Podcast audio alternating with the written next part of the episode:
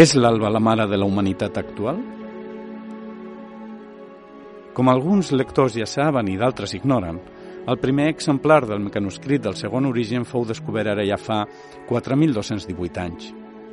Es va considerar una de tantes obres d'allò que els antics en deien ciència-ficció.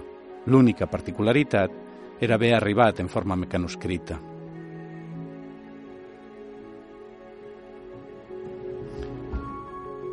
Ara ja vivim en l'any 7138 de la nova era i tenim més dades.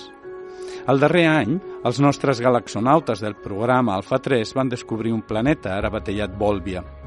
Estava desert, però encara quedaven rastres d'una civilització de tipus humanoide altament evolucionada. Sembla que durant 8.000 anys, una malura epidèmica i descontrolada d'origen desconegut va amenaçar d'exterminar tota la població es va emprendre una exploració ultragalàctica amb vistes a localitzar un altre planeta amb condicions ambientals semblants. Se'n van trobar tres i, sens dubte, un era la Terra.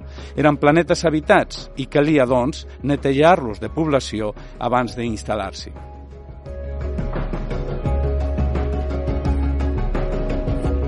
Les vibracions microestructurals utilitzades van mantenir els edificis i al mateix temps van provocar el conegut col·lapse cardíac de la població.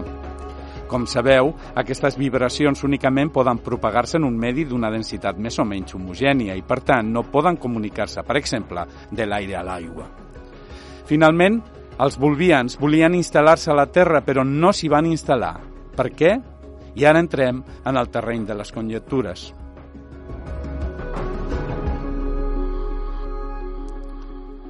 En tot cas, el mecanoscrit probablement va ser escrit per un dels pocs supervivents de l'atac dels habitants de Volvia.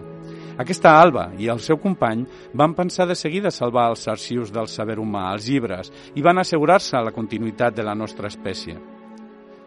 És hora, ens sembla, de preguntar-se seriosament si l'Alba és la mare de la humanitat actual. Nosaltres creiem que sí. Calia alguna persona d'aquest tremp.